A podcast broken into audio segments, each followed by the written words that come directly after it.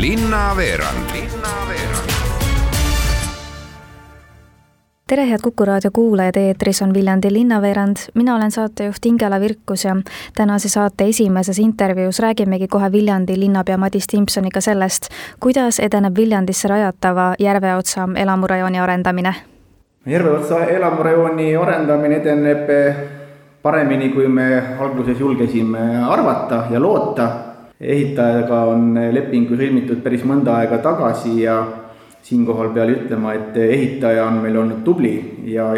edestab oma seda ajagraafikut lausa kolme kuuga. ehk siis eh, maakeeli öeldes juuni lõpuks peaks olema siis eh, ehitustööd seal järve otsal valmis. mis eh, selle kandi nii-öelda pärliks võiks olla või mis on selle rajooni eripära? noh, loomulikult järve lähedus. Järve lähedus on see eripära ja ega ei saa ka mööda vaadata sellest, et ega Viljandi linnas ei ole taolisi arendusi ju toimunud aastaid.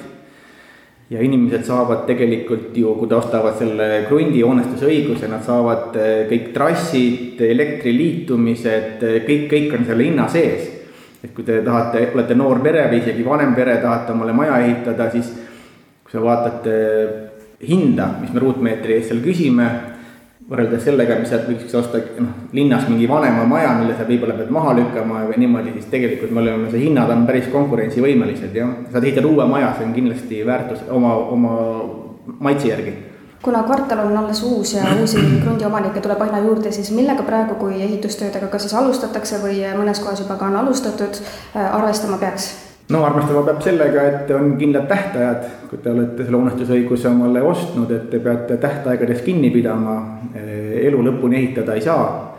et peaks, see maja peaks ikkagi olema viie aasta jooksul püsti pandud, et muidu Viljandis on olnud ka taolist kogemust, kus, kus müüdi lihtsalt krunte ja ehitustegevus käiski seal reaalselt üle kümne aasta, et mõni elas juba ammu-ammu sees mõni alles ehitas, mõni alles plaanis, kogu aeg oli tolmupilv üleval ja ega see ei meeldinud tegelikult kellelegi. palju see kõik, kogu see projekt maksma on läinud ja kas te olete suutnud eelarves püsida või mis on need murekohad võib-olla? hakkan tagantpoolt tulema, eelarves oleme püsinud, eelmisel aastal me sinna investeerisime üle neljasaja tuhande natukene, sellel aastal üle kolmesaja tuhande ja mis seal salata, ka Viljandi linnale kuuluv ettevõte Viljandi Veevärk on sinna pannud eh, raha, et summa summarum oleme sinna linna raha, ma ei ütle kulutanud, ma ütlen investeerinud eh, suurusjärk üks koma kaks miljonit. tagasi oleme teeninud momendil eh, alla kaheksasaja tuhande natukene, aga meil on veel seal müüa ka. aga mis ma kindlasti tahaksin rõhutada, et Viljandi linna jaoks ei ole see Järveotsa mingi lühiajaline kinnisvara arendusprojekt me vaatame seda asja ikkagi pikalt, pika vinnaga. meie huvi on see, et meile tuleksid siia inimesed, kes tahaksid Viljandi linnas elada, lapsi kasvatada, tegutseda ja makse maksta. loomulikult võimalikult palju makse maksta, aga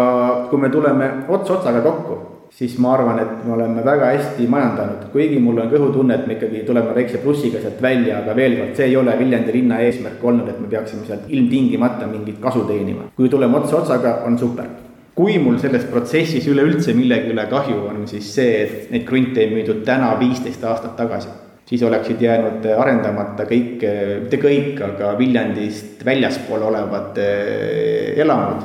ja maksumaksjad oleksid olnud Viljandis, mitte Viljandist väljaspool sel aastal toimuvad Viljandi pärimusmuusika festivali asemel kahekümne neljandal ja kahekümne viiendal juulil Viljandi Lossimägedes pärimusmuusika kontserdipäevad. kõigest lähemalt rääkis mulle festivali pealik Ando Kiviberg sel aastal on Viljandi Pärimusmuusika festivali asemel kahepäevane üritus, mille nimi on siis Pärimusa kaks punkt null ja viieteistkümnendal juunil paisati piletid juba ka müüki, mis kujul see festival siis tänavu toimub? no tegemist ei ole tegelikult festivaliga, et, et need on kaks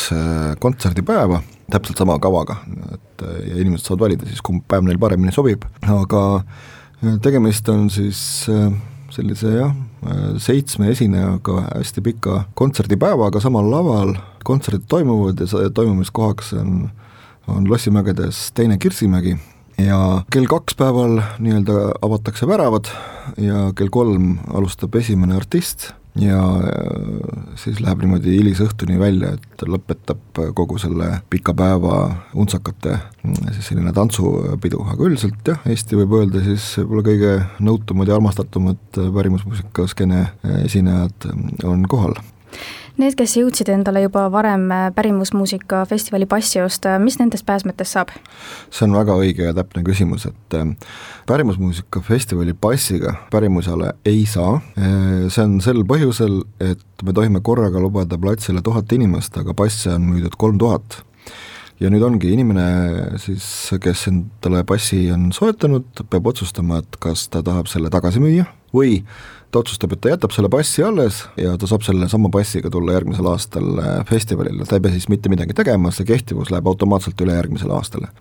No tänavune üritus äh, toimub siis kahel päeval, kava on mõlemal päeval sama, kuidas see esinejate valik siis sel aastal äh, tehtud sai? no me tahtsime, et oleks nii ehedat pärimusmuusikat, et Juhan Uppin on teatavasti vabariigi esimene vabariigi pillimees, et see on selline tiitel, mis tuleb välja teenida ja Juhan Uppin selle vabariigi pillimehe tiitli kaks aastat tagasi äh, nii-öelda võitis täitsa ausas võistluses. Ja nüüd ütleme, selliste ehedamate näidete juures või, või, või esinejate kõrval on siis ka no kuidas öelda, sellised natukene popimad nimed, et nagu Puuluup ja loomulikult Red Attack, aga me oleme tahtnud äh, ka inimesi rõõmustada sellise, kuidas öelda, igihall pärimusmuusikaga ja kindlasti näiteks kukerpillid ja untsakad on sellised, äh, kes noh, nüüd võib öelda juba läbi aastakümnete on Eesti sellist äh, muusikalise emakeele levikut mõjutanud hästi tugevalt. Ja mis kukerpillidesse puutub, siis kukerpillid tulevadki seekord lavale koos pärimusmuusika tudengitega, nii et ei ole ainult Kukerpillid üksi, vaid on äh, Viljandi Kultuuriakadeemia pärimusmuusika tudengid, kes on siis äh, ära õppinud ühe portsu Kukerpillide äh, tehtsaid rahvalaulude seadeid, nii et saab näha, ma arvan, et see tuleb väga meeleolukas kontsert kas need esinejad, kes muidu algselt tänavusel pärimusfestivalil esinema pidid, astuvad kindlasti üles järgmine aasta või kuidas sellega on? no nii, sinnapoole me püüame jah, et sada protsenti seda garanteerida alati ju ei saa, sest et kes teab, mis võib vahele tulla, aga põhimõtteliselt on küll ikkagi enamike esinejatega, just välisesinejatega meil need kokkulepped olemas tänaseks jah, et et eks me oleme siia mõnda ju neist äh, päris mitu aastat äh, kutsunud, no võtame kas või selle Marko Markovitši orkestra ja noh, nendega oli siin mõni aasta tagasi selline lugu, kus äh, kõigepealt Belgradis lennukisse astudes Marko Markovitš näiteks ei pannud tähele, et tema pass on kaotanud kehtivuse. Ja siis siis me korraldasime siin jooksujalu et kuivõrd ta lendas üle Varssavi, et korraldasime siis jooksujõulu niimoodi, et ta saaks erakorralise loa Eesti Vabariiki ja ütleme siis Schengenisse siseneda üldse Schengeni viisaruumi ja Välisministeerium tuli tookord seal tohutult vastu, aga mis siis juhtus, isegi selle suutsime korda ajada, aga mis siis juhtus, oli see, et kui Varssavi lennuväljalt hakkas siis lennuk startima Tallinna suunas, siis saabus tohutu äikesetorm ja kõik lennud pandi seisma ja ta lihtsalt ei jõudnud Eestisse. Ja nüüd siis teist korda, teisel korral oli koroona, no vaatame, ehk läheb siis kolmanda korraga täkkesse. no kolm on kohtuseadus. jah aasta algul me võisime rääkida sellest, et äh, pärimusmuusika festivali korraldades tuleb äh, sel korral arvestada sellega, et äh, Viljandi kesklinna uuendatakse, aga nüüd koroonaviiruse tõttu tuli mängida hoopis rohkem ümber, et mida see korraldus tiimile tähendab siis? noh, võib ette kujutada, et ikkagi päris suurt stressi ja sellist pidevat aju ründamist ja plaanide korrigeerimist ja uuesti uuesti uuesti ümber tegemist, et ega see kerge aeg ei ole olnud ja ja tegelikult ähm, kui sul on ikkagi kakskümmend seitse korda üks festival toimunud, proovime seda ette kujutada, eks ole, mõned inimesed polnud sündinudki, kui esimene, esimene festival toimus, et nüüd järsku, eks ole, jääb see esimest korda ajaloos äh, lihtsalt vahele, et ega seda korraldajatel ka äh, väga kerge ei olnud, äh, nagu öeldakse, alla neelata, et eks ta ikka emotsionaalse jälje jättis, aga pole hullu, et elu läheb edasi ja küll me saame aga mida te külastajatele südamele paneks, et mis nõudeid kindlasti täita tuleks, et nakkuse levikut takistada ja et kõigil oleks turvaline seal kohapeal viibida? ikka needsamad nõuded, mida siin Terviseamet on, on ka levitanud, eks ole, et äh, alates käte pesemisest ja desinfitseerimisest ja lõpetades sellest, et mitte võõraste inimestega liiga lähedasse kontakti minna, et ikkagi seda mõistlikku vahet hoida ja kuigi praegu, eks ole, siin äh, on näha, et arengud on, on, on nagu julgustavad, et, et, et pilt läheb paremaks, aga me näeme mujal maailmas, et, et on ikkagi uusi puhanguid ja ja sellepärast ei maksa meil ka ennast veel liiga julgelt äh, tunda, et me ju tahaksime, et et lõppude lõpuks kõik, ka meie lähedased, selle vastiku aja kenasti üle elavad, isegi kui meil endal on võib-olla väga tugev tervis, siis aga mis siis, kui mu vanaemal ei ole ja nii edasi, eks ole, et tuleb mõelda kõigi peale meie ümber, kes meie jaoks olulised on. Ja, ja, ja ma arvan, et selline selline normaalne elu ikkagi taastub siis, kui on saabunud vaktsiin, nii et loodame, et see jõuaks õige pea no hetkel on teada, et järgmine aasta toimuks festival kahekümne teisest juulist kahekümne viienda juulini.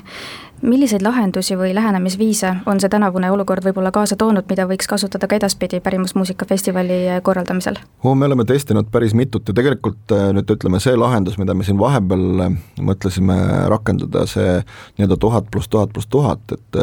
et noh, tookord lihtsalt oli, eks ole, meie eesmärgiks see, et passi ostnud inimesed äh,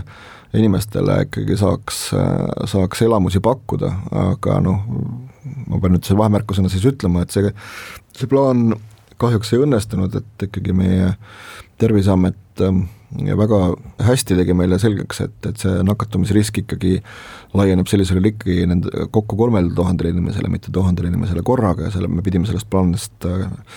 suure kahetsusega loobuma, aga ütleme siis seda plaani tegelikult välja töötades me käisime läbi päris mitu lahendusvarianti, millest võiks järg-, tulevikus abi olla, nii et noh, selles mõttes jah, ma arvan, et meie jaoks, korraldajate jaoks see kriis ei ole läinud raisku, me oleme, me oleme saanud testida ja mõelda päris mitme sellise hea tehnilise lahenduse peale, mis peaks tulevikus ka võib-olla äh, külastajatele elu veelgi mugavamaks tegema, aga no elame-näeme, vaatame, elame ikkagi, nagu öeldakse, üks aasta korraga. no mina soovin igatahes teile jõudu ja jaksu suur,! suur-suur tänu ja tere tulemast Viljandisse! Siinkohal me ka tänaseks lõpetamegi, mina olen Ingela Virkus. tänan teid kuulamast, soovin teile ilusat suve ja kohtume Viljandi linnaveerandi saates juba varsti jälle.